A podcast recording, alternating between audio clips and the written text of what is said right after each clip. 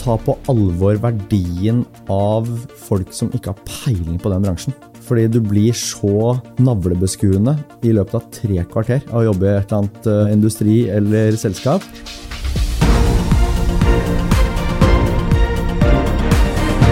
Dette er All In med Oslo Business Forum. Martin Skytt, velkommen, og spennende å ha deg her. Du har startet opp, sammen med noen kompiser og kompanjonger, Askeladden og co. Og fortell oss litt om selskapet og om innovasjonscase Askeladden, Martin. Så Askeladden, eh, sagt med én setning, er et eh, selskap som starter selskaper. Måten vi gjør det på, det er at vi gjennom eh, egentlig helt kontinuerlig prøver å finne bransjer der vi tror vi kan utgjøre en positiv forskjell for kunden, tjene penger og bygge noe som blir veldig svært. Og når vi har funnet en sånn bransje, så rekrutterer man en daglig leder til å være sjef og i front for dette selskapet. Og så hjelper vi den personen med alt fra kapital og research og marketing og eh, tech og regnskap og finans og alle altså andre tingene man må mestre for å, for å eh, drive og starte et selskap. Hjelper den personen med det. Eh, hele veien fra eh, unnfangelse og ut til man eventuelt selger det på et eller annet tidspunkt. Men er det en exit-rute på dette? Er det en planlagt utsalgstidspunkt og plan? Ja, altså vi, har, vi har ikke noe mandat og noen investorer i ryggen som krever en sånn tre til femårsperiode, sånn, som typisk private equity eller venture capital gjør. Uh, vi står helt frie, det er primært våre egne penger vi investerer. Um, så vi har ikke noe uttalt exit-strategi. Det vi har sagt, er at vi vil gjerne holde på med de selskapene så lenge vi er de beste eierne. Og på et eller annet tidspunkt så kanskje det er en bedre eier, og da kan man jo uh, la det gå. Um, men når det er sagt, så er alle selskapene til salgs til enhver tid, uh, gitt riktig pris. Startet opp i 2016. Har du solgt noe selskap ennå? Så ikke av de vi startet selv. Vi har jo vært inne veldig tidlig som investorer i Cutters og vært med på den reisen hele veien. og Det selskapet ble jo solgt eh, sommeren 2019. Så vi var med på hele den, den prosessen der. Eh, men utover det så har man ikke solgt noe selskap. Så vi mangler den. Eh, vi har ikke dratt den helt fra A til Å enda, men det, det nærmer seg på et par av selskapene. Så så jeg en beskrivelse av dere at dere blir kalt en oppstartsmaskin. Jeg tror det var Kapital som skrev dette. Eh, så dere har ressursene inhouse det du beskrev nå, stegene og ressursene som trengs. Er du enig i beskrivelsen? At det er en oppstartsmaskin? Altså Oppstartsmaskin er vel ikke mitt favorittord, for det bærer jo litt preg av en sånn voldsom standardisering, at man bare spyr ut nye konsepter. Og det er jo ikke helt riktig. Vi, vi bruker jo veldig mye tid på å finne først de bransjene som vi har troa på, og så masse tid på å definere et konsept som passer veldig bra til den bransjen, og de utfordringene den bransjen har. Og det varierer veldig fra, fra, selskap, si, fra selskap, til selskap og bransje til bransje. Eh, så maskin er nok ikke helt sånn mitt favorittord, men, men, selvfølgelig, vi har jo en standardisert prosess for å starte selskaper. Og for å hjelpe folk å lykkes med det. Det har vi jo. Så I startup-verdenen så bruker du vel begrepet rigg, har jeg hørt en del ganger. At man ja. har en rigg ja. som er liksom satt opp for å gjennomføre en prosess flere ganger. Ja, det kan du si. Vi har en rigg. Vi har en rigg bestående av nå litt over 40 folk eh, som hjelper med tech og marketing og analyse og research og funding og alle disse andre tingene. Og det hjelper selvfølgelig når man skal starte et selskap. Og så vet jeg som tidligere lærer på BI at det er et veldig attraktivt selskap å jobbe for, og det er mange en BI-studenter som har spurt meg om, eh, om, om, dette kunne være en karriererute. Og så sikkert, har jeg tenkt. Og så var jeg på websiden deres før du skulle komme og besøke meg i dag, og det ser jeg jo at der er det jo mange unge, freshe folk. Og helt i bunnen der så er founderne, som seg hør og bør. Yeah. Eh, men, men, dette er jo snitt alder 30 år. og stort sett ganske homogene, unge, urbane mennesker, er det ikke det, Martin? På en måte. Det kommer litt an på eh, hvor du setter grensen for homogen uh, og ikke. Men um, det er klart at ja, det er mye unge folk. Så på alder så er man sånn rimelig snever. Vi spenner vel nå fra 20 til 40. Eldste på huset er vel noen og 40. Uh, og yngste er, 19, kanskje. Vi har et par interns som er rett fra videregående, som fungerer for øvrig veldig, veldig bra. På kjønn så er man ca. 40% kvinner, 60% menn på huset. Men utover det så er det jo mye økonomiutdannelse. Eh, det er mye måte forretningsinteresserte folk. Så på den aksen så har man jo ikke liksom Vi har ikke tverrsnittet av den norske befolkning. Og så vet jeg ikke om det er et poeng i seg selv heller. Absolutt ikke. Så lenge vi klarer å lage ting som treffer folk, og som kundene vil ha, det er på en måte det viktigste. Eh, men det er klart at vi må jo styre for våre egne biaser når vi utvikler disse konseptene. fordi når 90% av alle som jobber i Askeladden, bor innenfor Ring 2, så er ikke det nødvendigvis de menneskene som bare by default klarer å lage det konseptet som flyr i hele Norge. Så det må man i hvert fall aktivt tenke over da, når, vi, når vi gjør disse tingene. Og være datadrevent. Vi jobber med, med, masse surveys og analyser for å finne ut av hva som treffer. og Det er på en måte dataene som må bestemme og kundene som må bestemme hva vi skal lage, ikke hva våre egne holdninger er. Men nå, kjempefint svar. Og når dere vokser nå, har dere sett det? Har dere sett at det er det som trengs? At eh, det å lykkes i Bergen og Trondheim og kanskje mindre steder i landet krever noe annet enn det dere har utviklet fra Oslo? da? Jeg vet ikke om jeg har svaret på det enda. Nei. Vi har jo øh, Nå er det ikke så veldig mange av selskapene som er utenfor øh, Oslo enda. Det er Dr. Drop-In, Squeeze og Verd og Paint Sip. De er utenfor. Eh, og så har man Munnfølge som åpnet på Jessheim eh, som første lokasjon. Da. Men, og, og de selskapene har fungert veldig bra utenfor Oslo, så jeg føler at vi har måte, truffet på det. Og, og dette med å være folkelig og jovial, det, en, det, er en, det er alltid eller nesten alltid en sånn stikkord som kommer opp når vi jobber med disse brandbyråene for å finne ut av hvordan skal uttrykket og så videre være. Um, og så er det jo en folkelighet i det at pris er jo ofte en, et element vi jobber mye med. Det å, å tilgjengeliggjøre mange av disse tjenestene som kanskje er litt dyrt til vanlig for folk flest ved å ha en lavere pris. F.eks. Dr. Drop-In, hvor det koster 595 kroner å gå til legen istedenfor 1500 hos Volvat. Eller Squeeze, hvor du får en dritdigg massasje til 400 kroner, og ellers må betale 1500 kroner på The Thief eller, det, Well eller, eller lignende. ikke sant? Så det var reklamen også. Det var reklamen ja, og, det, og det er jo, en, det er jo ut, utfordreren Askeladden og co. Det er jo det dere har gjort. Dere har gått løs på en del bransjer. Du fortalte meg at det er tolv selskaper som dere nå har oppe, og så kommer det ytterligere tolv som er i, i rett rundt hjørnet, eller når det er mulig å åpne det. I løpet av året eller neste år. Vi skal komme tilbake til hvordan dere håndterer det, men er det primært Det er jo business to customer-segmentet dere er i, altså forbrukermarkedstjenester. Eh, ja, det var det vi starta med. Og så har vi nå lansert Vi lanserer i disse dager vårt første B2B-konsept, som er et regnskapsføringstjenester. Um, og, og grunnen til at man har gått B2C først, det er vel bare fordi det er lettest å identifisere de kundepainpointsene som er. Eh, Men i hver eneste bransje vi har gått inn i, så har vi identifisert at det å være bedriftskunde i denne bransjen er helt forferdelig. Ta begravelsesbransjen som et eksempel. Vi begynte å undersøke den og skjønte at eh, det er jo en monopolist på kister i Norge. Eh, Det er en monopolist på en del sånn småutstyr. Og så gikk vi til utlandet, eh, rundt i Europa osv., og, så videre, og så kjøpte vi plutselig for halv pris. Så liksom B2B-delen av bransjen vi går inn i, fungerer også veldig dårlig. Så vi ser et superpotensial i B2B, men det er bare vanskelig å identifisere. Men uh, starte med regnskap. Det, ligner, det er jo liksom en sånn Segway inn. Det ligner jo litt. Det er jo litt, sånn lignende B2C, B2B. Det er noen holdningsselskaper som kanskje er veldig B2C-lignende. Så blir det større og større. Er det et verdikjede-innovasjonsselskap dere egentlig driver med? Dere ser etter muligheter i verdikjedene som dere identifiserer som oi, her kan vi gjøre noe, og her har vi da riggen som skal til for å innovere. Da går vi all in. Ja, det, det spørs hva du mener med verdikjeden. Altså hvis du, hvis du måte, sånn jeg vil sette på en verdikjede, så er på en måte sluttdelen av verdikjeden er på en måte B2C, og det er der man har startet. Men ja, man, altså, i den grad det er noen reelle kundepainpoints å fikse langs veien, så kan man jo gå hvor som helst i, i verdikjeden. på en måte.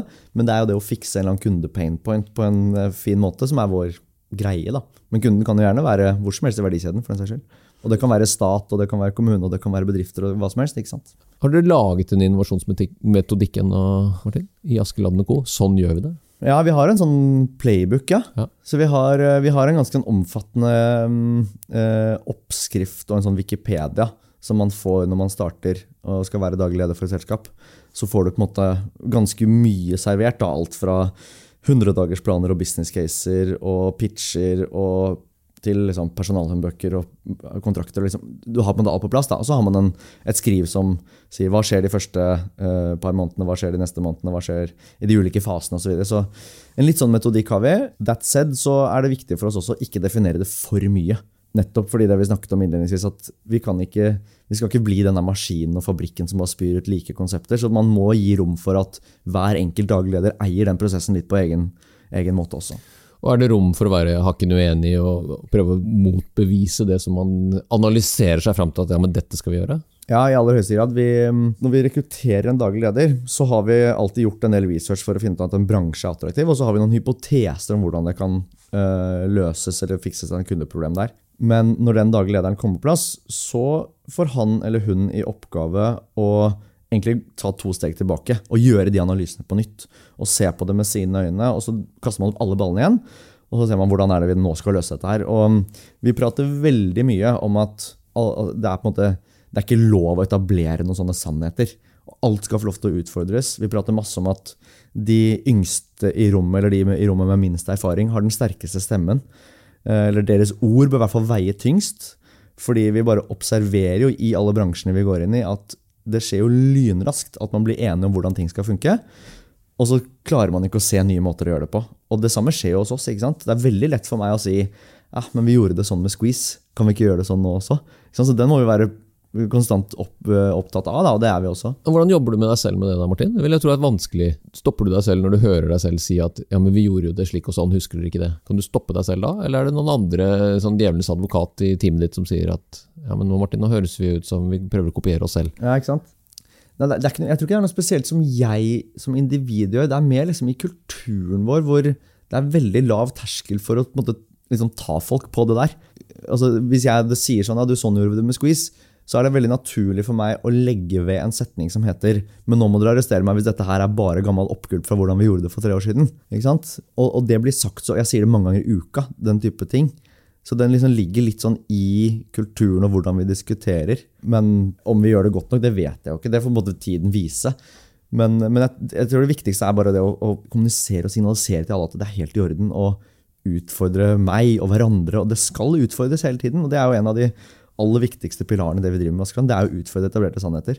Så det også å utfordre oss selv er selvfølgelig en viktig greie. Ja, og så har du, jeg, jeg hørte et foredrag av deg som var veldig spennende. Det er riktignok et par år siden. Det var den eh, med innovasjonsmytene. Altså det å, å, jobbe med buzzwords og unicorns. Og, mm. og, der har jeg vært i mange år selv, i, ja. på, i den der gründerboblen. Hvor det er veldig mange som ser inn og syns den kulheten rundt dette å være gründer. Og, mm. og du snakker om det samme som jeg har snakket om i årevis, om oppfinnelser kontra det å innovere.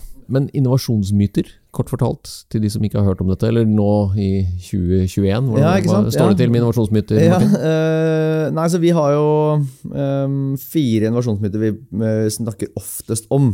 Uh, og Jeg kan jo dra fort gjennom de. Overskriften er at det er altså Da vi startet Askeladden 2016-2017, så var det veldig fort blitt veldig kult å være gründer. Så det, det førte med seg veldig sånn en eller annen sånn Kall det nesten sånn samfunnsdefinert playbook på hvordan det skulle være å være gründer.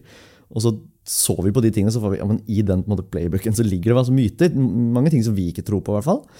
Og de fire, da, det er um, Den ene går på det at det er helt avgjørende når man starter noe, å lage noe som er heldigitalt. Det nå har det blitt bitte litt nyansert de siste årene, men i hvert fall sånn da vi startet, så var det sånn at du må lage en app. Det må være AI, det må være blockchain, det må være big data. Det må være ett av disse buzzordene. Og så er vårt push at det, det, er riktig, men det finnes en enorm mulighet i den fysiske verden. Følger du penga, så gjennomføres fortsatt en betydelig majoritet av handelen offline.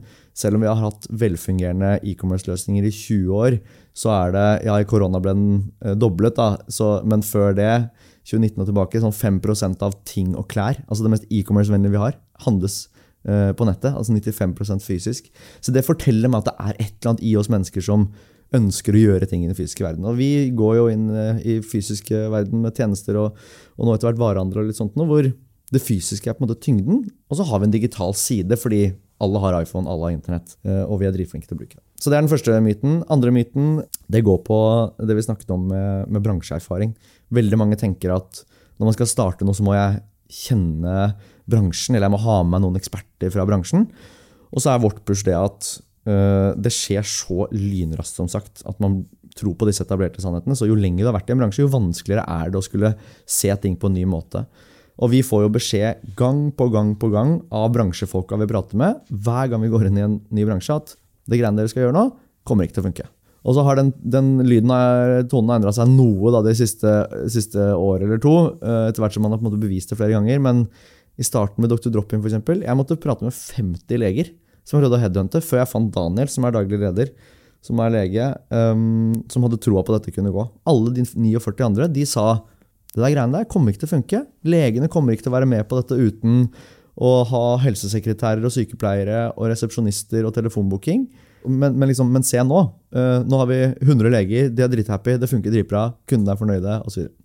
Som er et sånn eksempel på, på, på den eh, bransjebiten. Og så uh, nummer tre, som handler om det du snakker om med innovasjoner og oppfinnelser. Veldig mange har lyst til å starte for seg selv, men veldig få gjør det. Hovedgrunnen er at man uh, mangler ideen. Man venter på et eureka-momentet. Man skal våkne opp om natten og bare briljant idé komme til deg. og der er vårt push to ting. Det ene er uh, man må lytte på kundene sine, og så er det lov å kopiere av andre. Og Hvis du gjør de to tingene, så trenger du ikke å finne opp noe helt nytt. Så Årsak nummer én til at selskapet feiler, det er at uh, det er ikke liksom feil team eller gikk tom for penger eller feil strategi. Det er jeg finner opp noe nytt, og ingen vil ha det. Folk lager ikke ting som kunden vil ha. Så vi spør masse, altså hundrevis eller tusenvis av kunder i de bransjene vi går inn i, om hva er problemene, hvordan kan det bli bedre osv. Og, og så ser man til uh, enten nabobransjer eller samme bransje, for den saks skyld, enten i Norge eller utlandet, for å finne inspirasjon til hvordan vi løser akkurat det problemet. Så nesten alle våre selskaper har et kall det et inspirasjonsselskap eller to, eller tre eller ti, i utlandet. Et eller annet sted. Uh, og så er den siste som handler om enkelhet, hvor jeg opplever at mange som starter et selskap, ønsker å ha et relativt bredt tjenestetilbud for å favne over mange segmenter.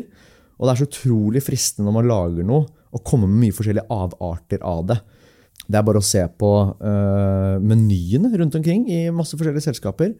Uh, det er klassisk sånn kinarestaurantmenytilfelle, uh, hvor du har 250 valgalternativer. Og så, og så bare, som kunde så blir det helt umulig å forholde seg til.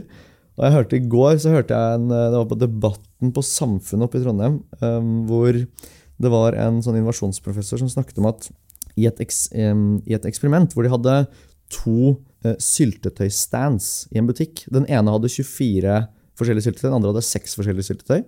De, når de testa, så var det ca. like mange som testa. 30% av de som gikk forbi, testa på begge to.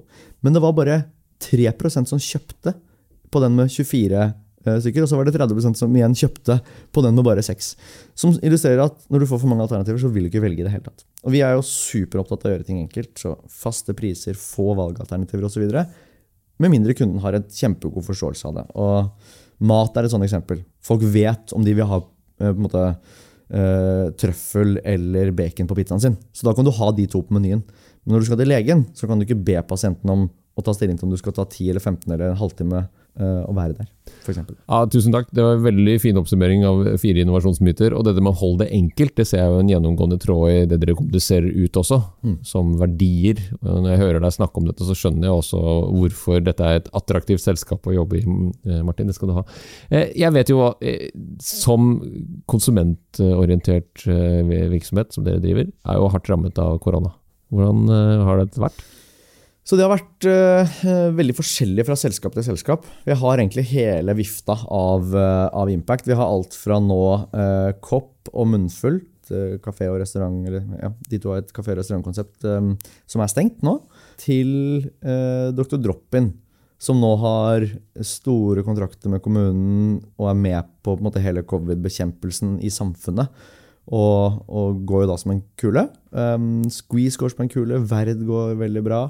Uh, Paint and Zip har klart en vanvittig omveltning fra ja, Eventbyrået, er det ikke det? Ja, altså det, Paint and Zip er jo i utgangspunktet et fysisk event hvor man kommer og så maler man mens man drikker vin i et par timer. Og så er det en instruktør som forteller hvordan man skal male.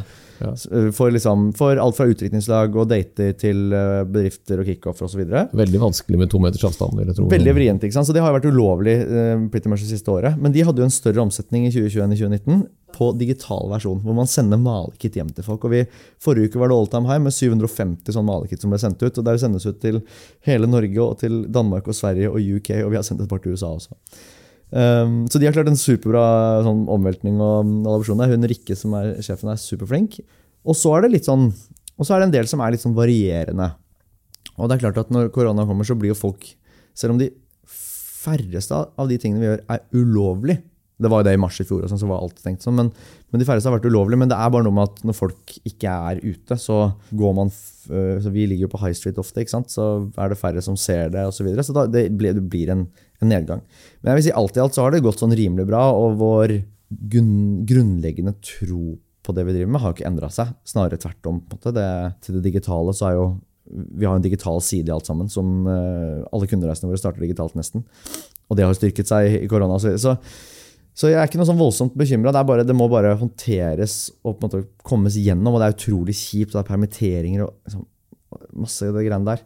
Men uh, på lang sikt så tror jeg ikke noe har endra seg. Altså. Og så mistenker jeg at du har lært noe, for det har jeg også lest. At du har funnet ut hvilke gårdeiere som det er verdt å satse på i fremtiden, ja, og hvem som man kanskje ikke går i reforhandlinger med. Ja. Uh, det har jeg også hørt fra andre som har opplevd noen overraskelser. For at noen av de er mest opptatt av å sikre seg sjøl. Ja. Ja, det er, det, er, det er ganske fascinerende, akkurat det med gårdeiere. Kan du, du som har mange leiekontrakter, er det 50-50? Er det 80-20? Hva, hva er det for noe? I favør Nei, det, er- det, er, det er veldig få som er sånn gir deg fingeren Ja, og bare sier nå skal jeg pengene mine. Det er, det er veldig få. Det er det, ja.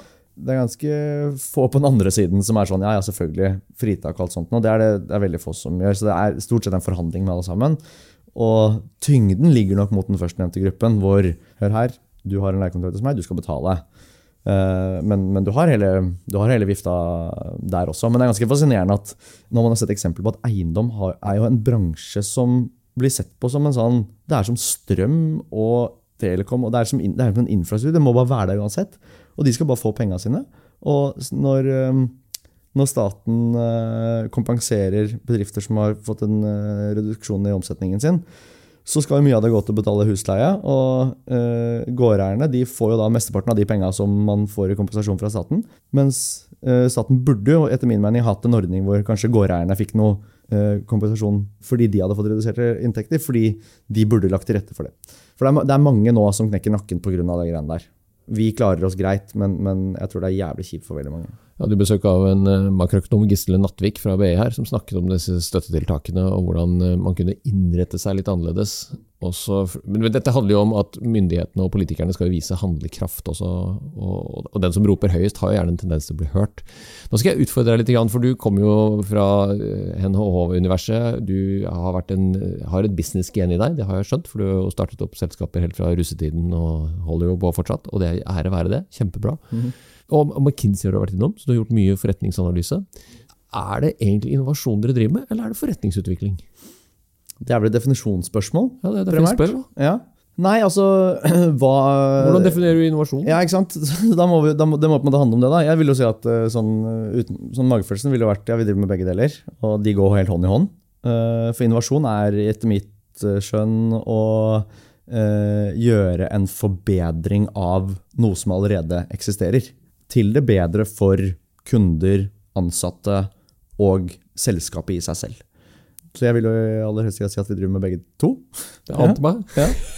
Sånn der, ja takk, begge deler. Ja.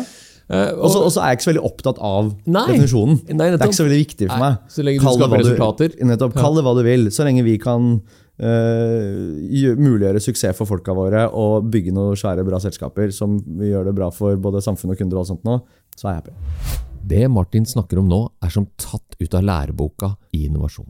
Nærmere bestemt Josef Schumpeters innovasjonsteori fra 1911. Her beskriver Schumpeter for første gang endringsagenten, entreprenøren som ser muligheter for både radikal, men også inkrementell, eller det vi kaller skrittvis forbedring og innovasjon. Det at jeg utfordrer Martin på et definisjonsspørsmål, sier vel mer om meg, og Martin sitt svar er langt bedre enn spørsmålet. For Schumpeter var opptatt av at innovasjoner må spres, av kopiister, eller epigoner som han kaller de, de som kopierer for å forbedre. Askeladden og co. er kanskje et uvanlig selskap i norsk sammenheng, men ser vi ut av landet finnes det flere lignende rigger. Den mest kjente er de tre tyske Samwer-brødrene, som siden 1999 har kopiert amerikanske nettjenester og gjort god butikk, gått på børs og høstet mange lovord, men også en hel del kritikk. Pengene Samwer-brødrene har tjent på egne oppstarter, har de igjen investert i mer kjente tjenester som Fodora og Zalando. Om du ikke har hørt om det ennå, søk opp selskapet Rocket Internet og få en aha-opplevelse. Ok, det er jo forretningsutvikling, syns jeg. For at dere, dere innoverer jo for så vidt i en sånn liten inkrementell forbedring, og dere legger opp noe enklere grensesnitt og gjør det mer eh, convenient, som vel er den eh, norske omskrivelsen av å gjøre det brukervennlig. Så, så lurer jeg litt på, dere har fått litt kritikk for dette med at dere dytter ned ansattes lønninger og sikkerhet for arbeidsplasser, og, når det er høy fart og man tester ut mye samtidig, som jo er hele myten rundt dette med å drive med innovasjon, for du må jo, må jo teste ut ting, og forretningsmodeller i, i særdeleshet, så har det en risiko. Så dere har jo erta på dere, i hvert fall Cutters gjorde det, erta på dere frisørlauget, og det vet jeg også, disse begravelsesbyråagentene var jo ikke veldig happy når dere lanserte det. Og du nevnte jo det selv, lege... Ja. Disse, disse, denne motstanden du har fått, Ja. Og denne kritikken, kan du si noe om det? Ja, det kan jeg gjøre. Um, Det er jo en myte der ute om at um, Jeg tror det, det er en myte som gjelder generelt, og som på en måte smitter over til Askeladden. Og det er at uh, for å gjøre ting mer effektivt eller billigere, så må det gå utover de ansatte. Og det er eh, helt feil. Eh, for ja, Dr. Drop-In har eh, en pris som er en tredjedel av Volvat. Bli tannhelse har en pris som er nesten halvparten av, av markedet. Uh, Squeeze har en pris som er kanskje halvparten eller en tredjedel av de måte, konkurrentene vi sammenligner oss med. Men de ansatte i de selskapene de tjener like mye eller mer enn bransjesnittet. Og det er for oss en helt sånn åpenbar, grunnleggende selvfølge som må ligge til grunn. Vi, vi hadde aldri klart å rekruttere så mange folk til å jobbe i selskapene våre uten å behandle de bra og betale de godt. Ja, for det er nesten 800 ansatte. 750 ansatte. Ja, Det kommer an på om du teller med cutters eller ikke. Ja, men det er de, mange, mange ja, hundre. Ja, Mange, mange hundre. Det er det. Og, nei, så, så liksom, gode ansattvilkår uh, er helt avgjørende. Og det og da, sant, hvordan, er det, hvordan er det man kan betale veldig høy husleie, betale veldig god lønn, ha halv pris av bransjen og samtidig tjene mer penger enn bransjen? Det er mange som da klør seg i huet, og så sier de ja, men da må du ljuge om de ansattfolka. Det er det folk sier. ikke sant? Da sier jeg, men Det stemmer ikke. Da kan du ikke nok om forretningsutvikling. Fordi det handler om å sette opp en forretningsmodell hvor det der balanserer.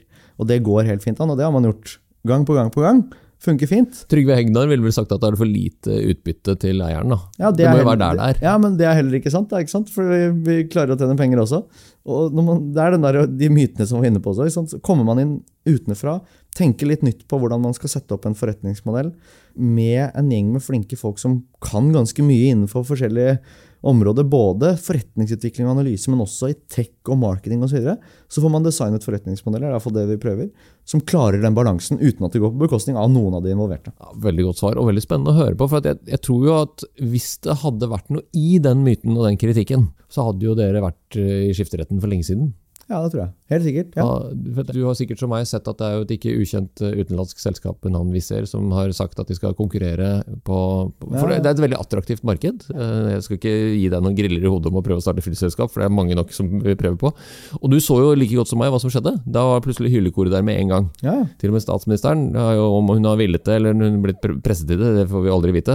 At eh, nei, dette skal ikke jeg fly med. Nei. Og det er jo litt det samme. ja. Så, så det men kan det, noe, kan det være noe norskt? Altså når, når Jeg er så gammel at jeg husker når GB, altså den svenske isprodusenten, skulle selge is i Norge. De ble jo mobba ut av gode nordmenn som mente at nei, det er jo ikke norsk fløte i den isen fra Sverige. sant, så den kan vi ikke spise. ja. Nei, det er det sikkert, men uh... Ikke det er det sikkert, det er det. Ja, da, ja, det kan godt hende, men igjen så er jeg ikke så opptatt av det. Jeg, jeg, jeg er ikke så opptatt av om det er på en måte folk som mener det akkurat på det området der. fordi der er det bare viktig for meg og for oss å lage bra arbeidsplasser. Å, men det er veldig viktig å følge med på det. For der, det der er jo det der tipping pointet. Mm. en periode så har du det med deg. Ja. Helt til Ja, ja. du blir så stor at du kan få en sånn Idar Vollevik-opplevelse. At du blir så stor at folk ler fordi at du ikke får det til. Ja, helt sikkert. Og da må vi bare lage selskaper hvor vi med ganske rak rygg kan fortelle om hva vi gjør. da. Vi pleier, vi, vi pleier å si at alt vi gjør, må, vi må tåle å stå på forsiden av DN med absolutt alt vi gjør. Og med det som utgangspunkt tror jeg man kommer relativt langt. da. Jeg har undervist i etikk eh, og entreprenørskap på BI i mange år, og det er en av de testene som alle studenter må gå opp i. Ja. Kan det du sier og stå for, stå på forsiden av DN i morgen? Og det er jeg veldig glad for at du sier, og dette må være transparent i den grad man kan fortelle om det. Mm. Og så blir jo, det er jo spennende dere som kopierer andres forretningsmodeller. Mm. Vil dere også ønske andre velkommen til å gjøre det samme som dere? Altså prøve å kopiere ned dere? Ja, det må folk bare gjøre. Ja. altså, Er det noen som har prøvd den da? Ja, altså vi- hvis vi ser stadig forsøk på kopiering av selskapene, og så er det Du var inne på det i stad, at man gjør liksom mikroinnovasjon i veldig mange biter av forretningsmodellen og verdikjeden. Og ofte så holder det ikke å bare kopiere prisen.